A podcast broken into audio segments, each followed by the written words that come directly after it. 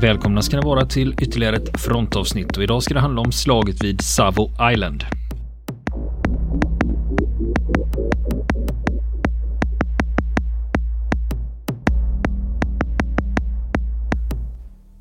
Och nästa kryssare då i den norra styrkan, hon heter Quincy, också en amerikansk kryssare. De har också sett på Quincy då hur de japanska flygplanen fäller lys över styrkan på andra sidan ön. Och de har fått också varningen från jagaren Patterson. Okända fartyg på väg in. Och blåst klart skepp just när de japanska sökarljusen tänds. Och Quincy's kapten han ger order om eldöppnande men det kommer inga granater därför att artilleribesättningarna är inte redo vid det laget. Allt går jättefort och alla är inte på plats och de har inte fått fram eh, ammunitionen i hissarna och så vidare. Det pågår, verksamheten pågår för fullt. Och inom bara minuter så råkar Quincy i korseld mellan tre japanska kryssare. Och får flera svåra träffar och börjar brinna också. Men den rör sig fortfarande framåt. Och kaptenen han ger order om ett anfall då mot, mot eh, några av de japanska fartygen.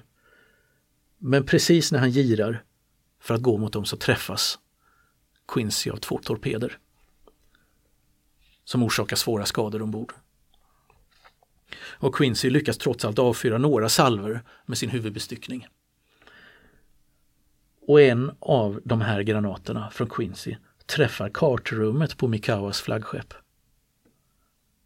Och det är bara sex meter från där amiralen står 36 man dödas eller såras men amiralen själv är oskadd och kan fortsätta striden.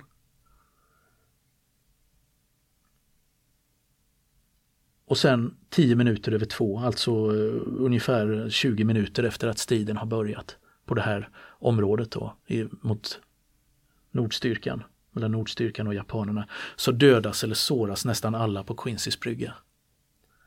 Inklusive kaptenen då. Och sex minuter senare så slår en ny torped, japansk torped in i fartygets sida. Och de återstående kanonerna tystnar. Och en av artilleriofficerarna ombord på Quincy, han har skickats till bryggan för att be om instruktioner från kaptenen om hur man skulle fortsätta striden och han har skildrat då vad han mötte för syn där uppe på bryggan. skriver att när jag nådde bryggan så fann jag en hög av lik. Bara tre eller fyra personer var fortfarande på fötter. I själva styrhytten var den enda personen på benen signalisten vid, vad heter det nu igen, styr? Vid ratten? Där. Ja, vid ratten. Eh, som förgäves försökte häva fartygets sväng åt styrbord och få henne åt barbord istället. Och när jag frågade honom fann jag, att, fann jag att kaptenen som då låg helt nära honom hade instruerat honom att köra upp fartyget på grund och att han försökte styra mot Savo då som låg 6 kilometer bort. Jag gick till babordssidan av styrhytten och tittade ut för att se ön och la märke till att fartyget snabbt fick slagsida åt babord och att fören höll på att försvinna under vattnet. Just då reste sig kaptenen upp men föll tillbaka, tydligen död, utan att ha gett något annat ljud ifrån sig än ett stönande. 20 minuter senare så sjunker Quincy. Och den tredje kryssaren som hamnar i vägen för japanerna då på norra sidan av ön. Hon heter Vincent, också amerikansk. Hon hade också sett lysen då, lysbomberna i söder och såg faktiskt även kanonelden från striden i söder. Och när kryssarna lystes upp av strålkastarna norr där så tvekade ändå fartygschefen på Vincennes att ge eld eftersom han trodde att det kunde vara egna fartyg. Men tre minuter senare så öppnade man ändå eld när striden var i full gång. Och då börjar kryssaren få den ena träffen efter den andra och då ger kaptenen ombord Frederick Reef call order om att öka farten. Men strax efteråt så träffas Vincent av två torpeder från Mikawas flaggskepp. Ytterligare en japansk kryssare kastar sig in i striden. Och så en till. Nu är de tre mot en. Och Vincent får in en träff på en av eh, de japanska kryssarna men det blev inget allvarligare skador. Och nu öppnar resten av den japanska kolonnen eld mot den här amerikanska fartyget då. Som fick uppemot 74 träffar. Man kunnat räkna till. Jag tänker dig vilket kaos mm. ombord. Och snart träffas hon av ännu en torped. Alla pannrum är förstörda. Hon ligger också död i vattnet. Och brinner från för till akter med slagsida. 13 minuter efter torpedträffen så ger kaptenen order om att överge fartyget och den sjönk, det sjönk en stund senare. Två jagare som ingick i den här styrkan då, de var två stycken då, det var Helm och Wilson. De var inte till mycket hjälp för de kunde inte ens se fienden i all drabbningen där och rikta in kanonerna. De kunde inte få klar sikt så att de var inte till mycket, kunde inte lämna mycket bidrag där. Men klockan kvart över två så slutade den japanska kolonnen skjuta när den tog sig utom räckhåll då, runda Savos norra sida. Då har man alltså gått ett snart helt varv runt ön då och rundar och tillbaka mot väster.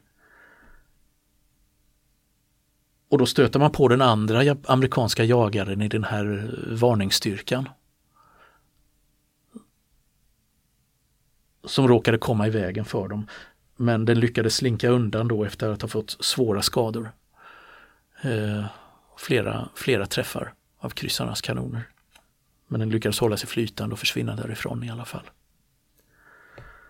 Och eh, nu stod Mikawa, japanska amiralen, inför ett vägval. Skulle han avbryta eller skulle han återvända till stridsområdet och, för, och förstöra återstoden av den allierade flottan? Och som man vet, det är lätt att kritisera beslut i efterhand som befälhavare fattar på slagfältet. Men just i den situationen så är det många okända faktorer. Och mycket man inte vet om fiendens grupperingar och avsikter och styrka och så vidare. Det är ju det som är kärnan. Det är ju det som är kärnan mm. i det vi håller på med. Exakt. med att vi, sitter...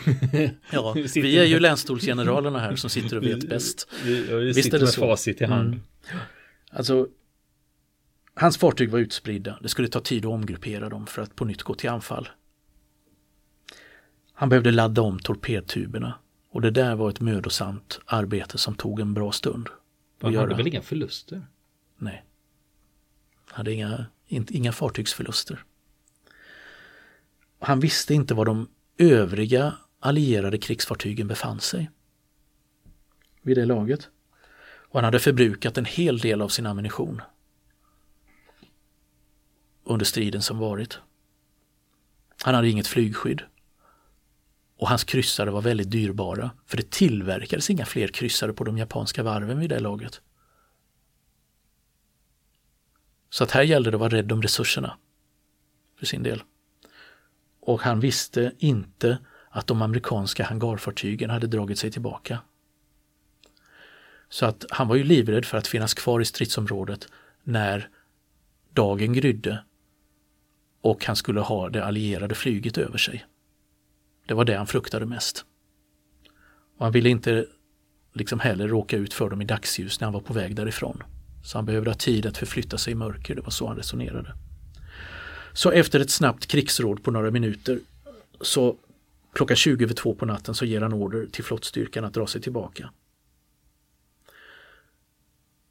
Men han lämnar som sagt det här stridsområdet i ett enda kaos bakom sig. Canberra, som hade blivit svårt träffat och låg eh, död i vattnet så att säga som en sittande anka, eh, evakuerades. Man insåg att när man flyttar flottan så kommer man inte få med sig Canberra, hon kommer sinka resten av flottan, vi måste sänka henne. Och det beslutar amiral Turner då att man för över de överlevande i besättningen på andra fartyg. Och sen satte han in två amerikanska jagare för att sänka henne. Och de behövde 300 granater och fem torpeder innan Canberra, som egentligen redan var ett vrak, försvann under ytan. Och senare samma dag, några timmar senare då, så sjunker Astoria på norra sidan om Savo. Efter att besättningen förtvivlat då i många timmar hade försökt rädda henne, pumpa ut vatten och släcka bränderna ombord. Och eh, samma morgon då när dagen grydde så meddelade då eh, generalen Vandergrift eh, i land där att eh, han behövde ha mer förnödenheter från fartygen innan de kunde ge sig av. Så att av urlastningen pågår ännu några timmar till. Beräknades då vara klar fram vid lunch samma dag där.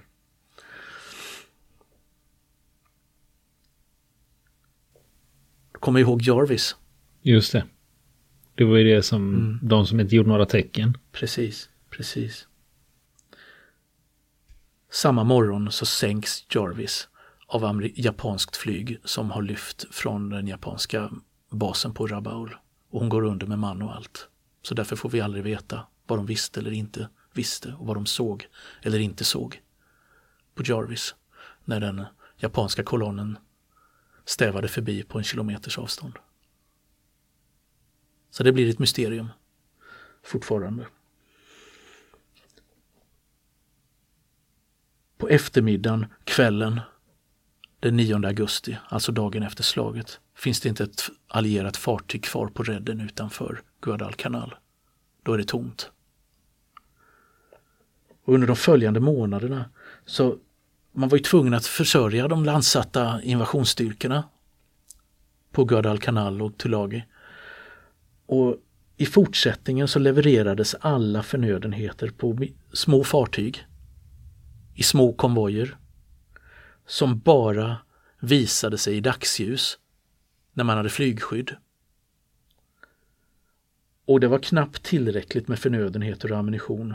Som kom då till den eh, marinkårsdivisionen på Guadalcanal för att de skulle de, eh, Det räckte för att de nätt och jämnt skulle kunna bita sig fast och hålla, försvara flygfältet och brohuvudet som han hade tagit mot alla japanska motanfall för att återta ön.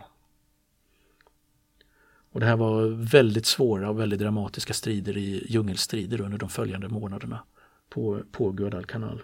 Och likadant så eh, levererar eh, den japanska sidan på nätterna förstärkningar och förnödenheter under de följande månaderna till det här stridsområdet och deras konvojer blev kända som Tokyo-expressen. Men det är en annan historia som vi får ta upp i ett annat, mm.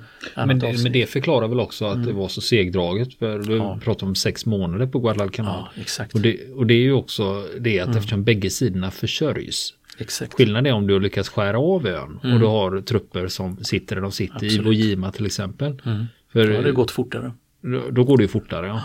Precis. Men här var det ju liksom kvartermästarnas kamp lika mycket som soldaternas kamp kan man säga.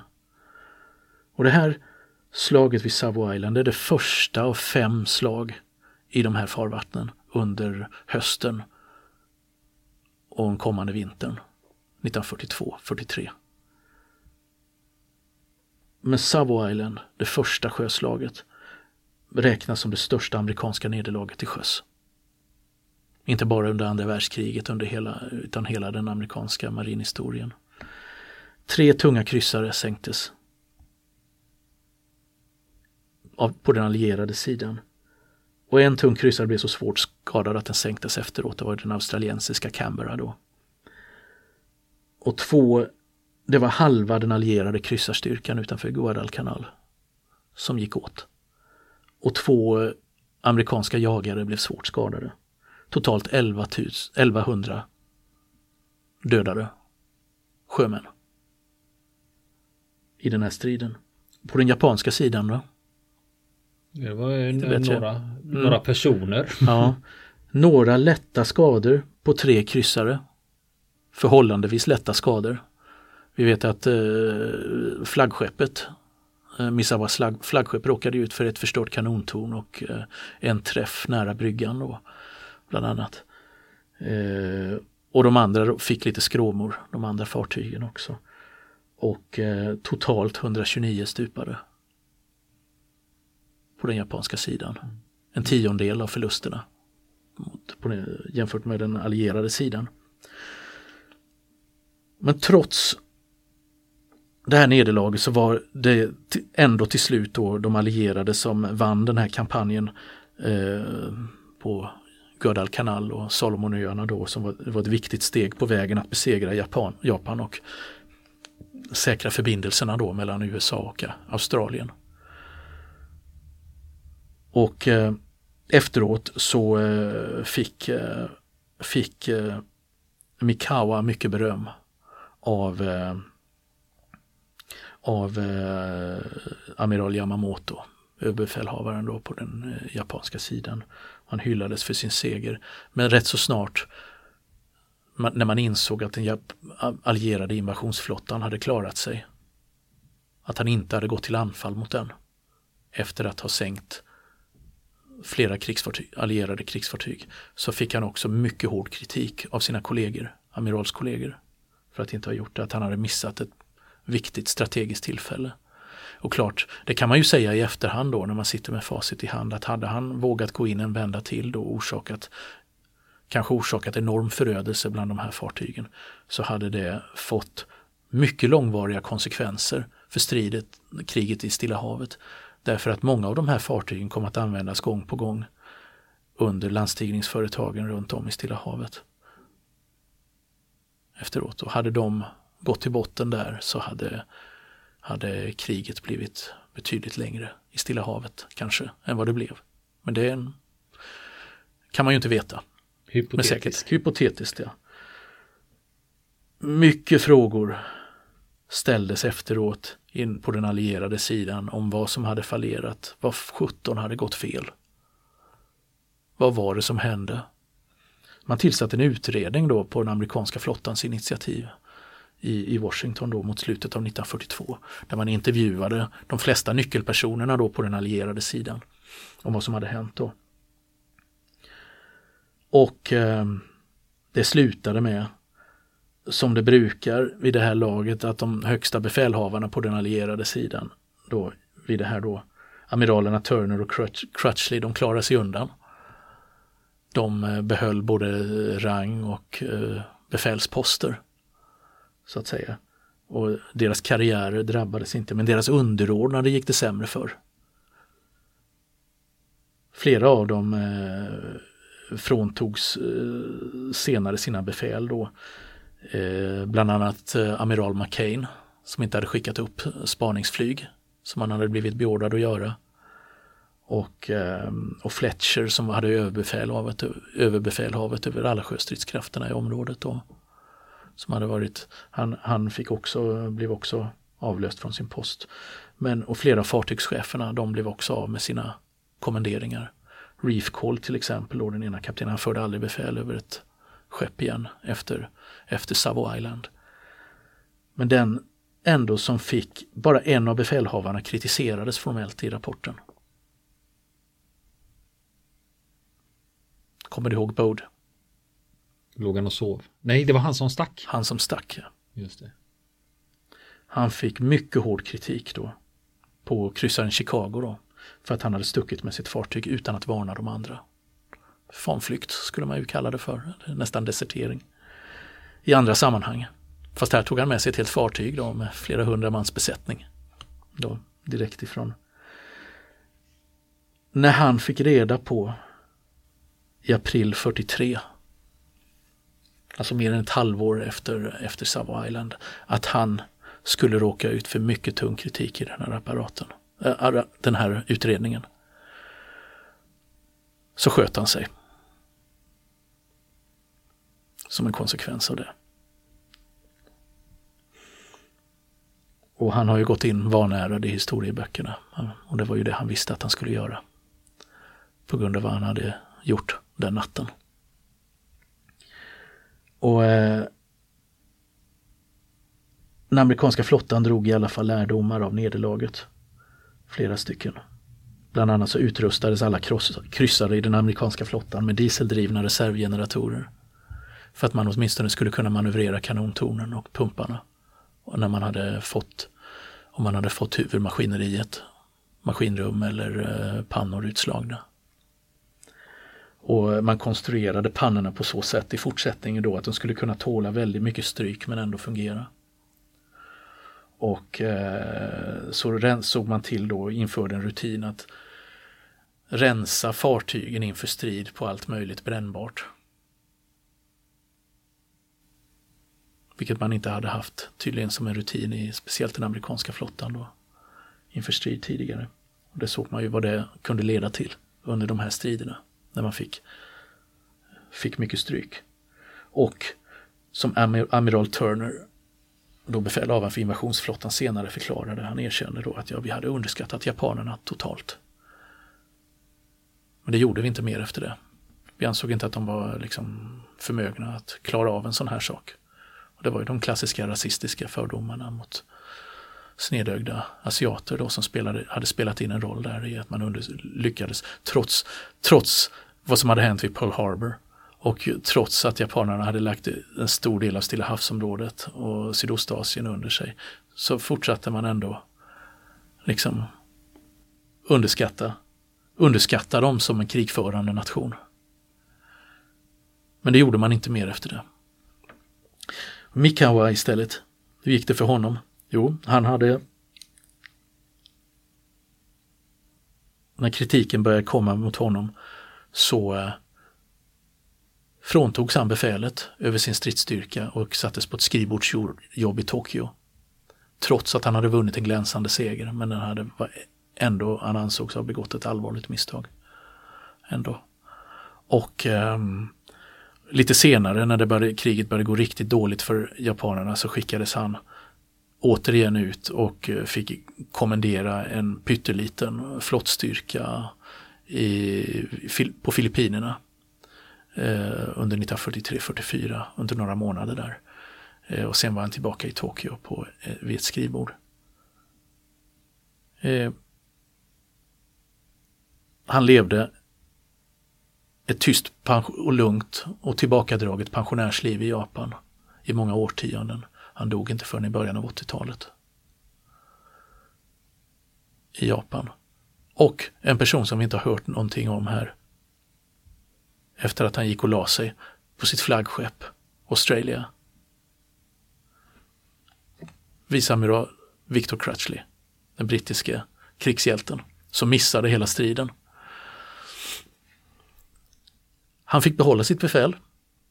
Han fortsatte slåss i Stilla havet med sin stridsstyrka ända fram till 1944. Då han, eh, då han eh, kommenderades därifrån. Hans karriär påverkades inte alls av det här. Ja, han låg ju och sov, han var ju inte med. Han var ju inte med, nej, precis. han kunde inte hållas ansvarig, han låg ju och sov. Precis, han låg och sov. Uh, och när kriget tog slut så var han, var han befälhavare över Gibraltar, Gibraltarklippan slutligen en av de viktigaste brittiska marinposteringarna. Men han dog sedan när han gått i pension så sent som 1986, 92 år gammal och var därmed förmodligen den sista brittiska amiralen från andra världskriget som, som eh, gick hädan. Men, men som sagt, hans insats vid, eh, vid Savo Island får väl betecknas som en icke-insats i sammanhanget. Men så slutar den här historien om, om, om Savo Island som inte man hör speciellt många berättelser om och som sällan skildras i, i eh, dokumentärer och, eh, och filmer. Annat än som sagt en kort sekvens i The Pacific. Men är det kanske inte lite amerikanskt att räkna segrarna blott? Jo, liksom. det, är, det är väl lite så. Men det finns ju filmer ja. om Pearl Harbor och... Liksom. Ja, det gör ju det. Det, gör ju det. Man pratar om amerikanska nederlag. Den, ja, det, för när vi pratar Alamo om... pratar man ju om. Men det var ju nederlag som blev en seger för man tog, tex, tog Texas sen. Ja. Och det var ju lite hjältemod och Custer och så vidare. Ja, så visst. Så det... men, men visst är det så att det blir, man pratar ju hellre segrar än nederlag. Mm. Om man kan vända ett nederlag till en seger så kan man ju prata om det. Mm. Många gånger. Eller göra något annat av det som är Custer. Mm. För jag tänkte på den här, eh, jag pratade om den här Vietnam-serien som mm. finns på SVT Play. Just det. Eh, eh som heter The Vietnam War. Mm. Det är tio avsnitt. Och där handlar det bland annat om Ia Drang, eller heter det La mm. Ja, du vet, Hal ja. Moore. Ja, just det. Och de är från eh, We Were Soldiers. Just det. Just det. Jag drang heter det väl. Ia Drang. Mm. Ja. Och, eh, men eh, när jag såg filmen We Were Warriors, då, Mm. eh, då tänkte man liksom, men helvete vad bra, fan undrar om de inte vann kriget? Eller fan? Ja, precis. Man kan ju få sådana. hur, man skildrar Det är likadant med den här filmen med, med hjälp. Vad heter han nu? Antisemiten i Hollywood. Mel Gibson. Mel Gibson. Eh, när, de, när de gör en räd i Vietnam. Gud. Ja, det är den We Were Soldiers. Ja, det är ju den. Ja, just det. om. Ja, precis. Förlåt. Mm. Nu rörde jag ihop det. Ja. Men, Ja. eh, men, Ja. eh, det, Nej, men det känns ju som de vann den. frågan är om de inte vann. Ja, precis. Ja. Precis. Jo, en annan grej, Mm. det är när vi pratar om det där med katastrofer. Det måste man ändå betrakta som en katastrof Mm. ur den amerikanska flottans synpunkt. Och man brukar säga det när det är, sker katastrofer Mm. så är det fyra eller fem olika saker Mm. som inte eh, fungerar som det ska. Och, och det gäller både när det gäller flygkatastrofer Ja. och fartyg eller stora bränder. Att jag hade bara den dörren varit stängd och hade det inte legat en trasa där. Ja, och, och det är exakt det jag känner igen när du beskriver det här. Att Ja. jag hade de bara slagit på radarn och hade visst. den befälhavaren varit vaken och hade de rapporterat. Det är sådana här, Hade de gjort så och så. men bara precis. om. Ja, så det är ju, det är ju, det, det blir ju, militär historia blir ju många gånger eh, svart bälte i att veta bäst efteråt. Ja, det är ju sant. Ja. Det är ju lite så, men det är ju andra sidan när man har tid, man kan utforska vilka möjligheter de hade, vad de visste och vad de inte visste. Det är ju det som men, eh, men eh, sen sätta sig på höga hästar och säga där gjorde du fel och där gjorde du fel och sånt. Visst, det förekommer ju mycket sånt. Gör det i den branschen. Men eh, man får vara lite ödmjuk. Mm. Får man vara. Även om det är svårt. Vill ni komma i kontakt med oss så kan ni göra det via vår Facebook-sida som heter Fronten. Det är inga problem för er att leta er fram där. Eller också så mejlar ni på vår mejladress och det är frontenpodcast@gmail.com.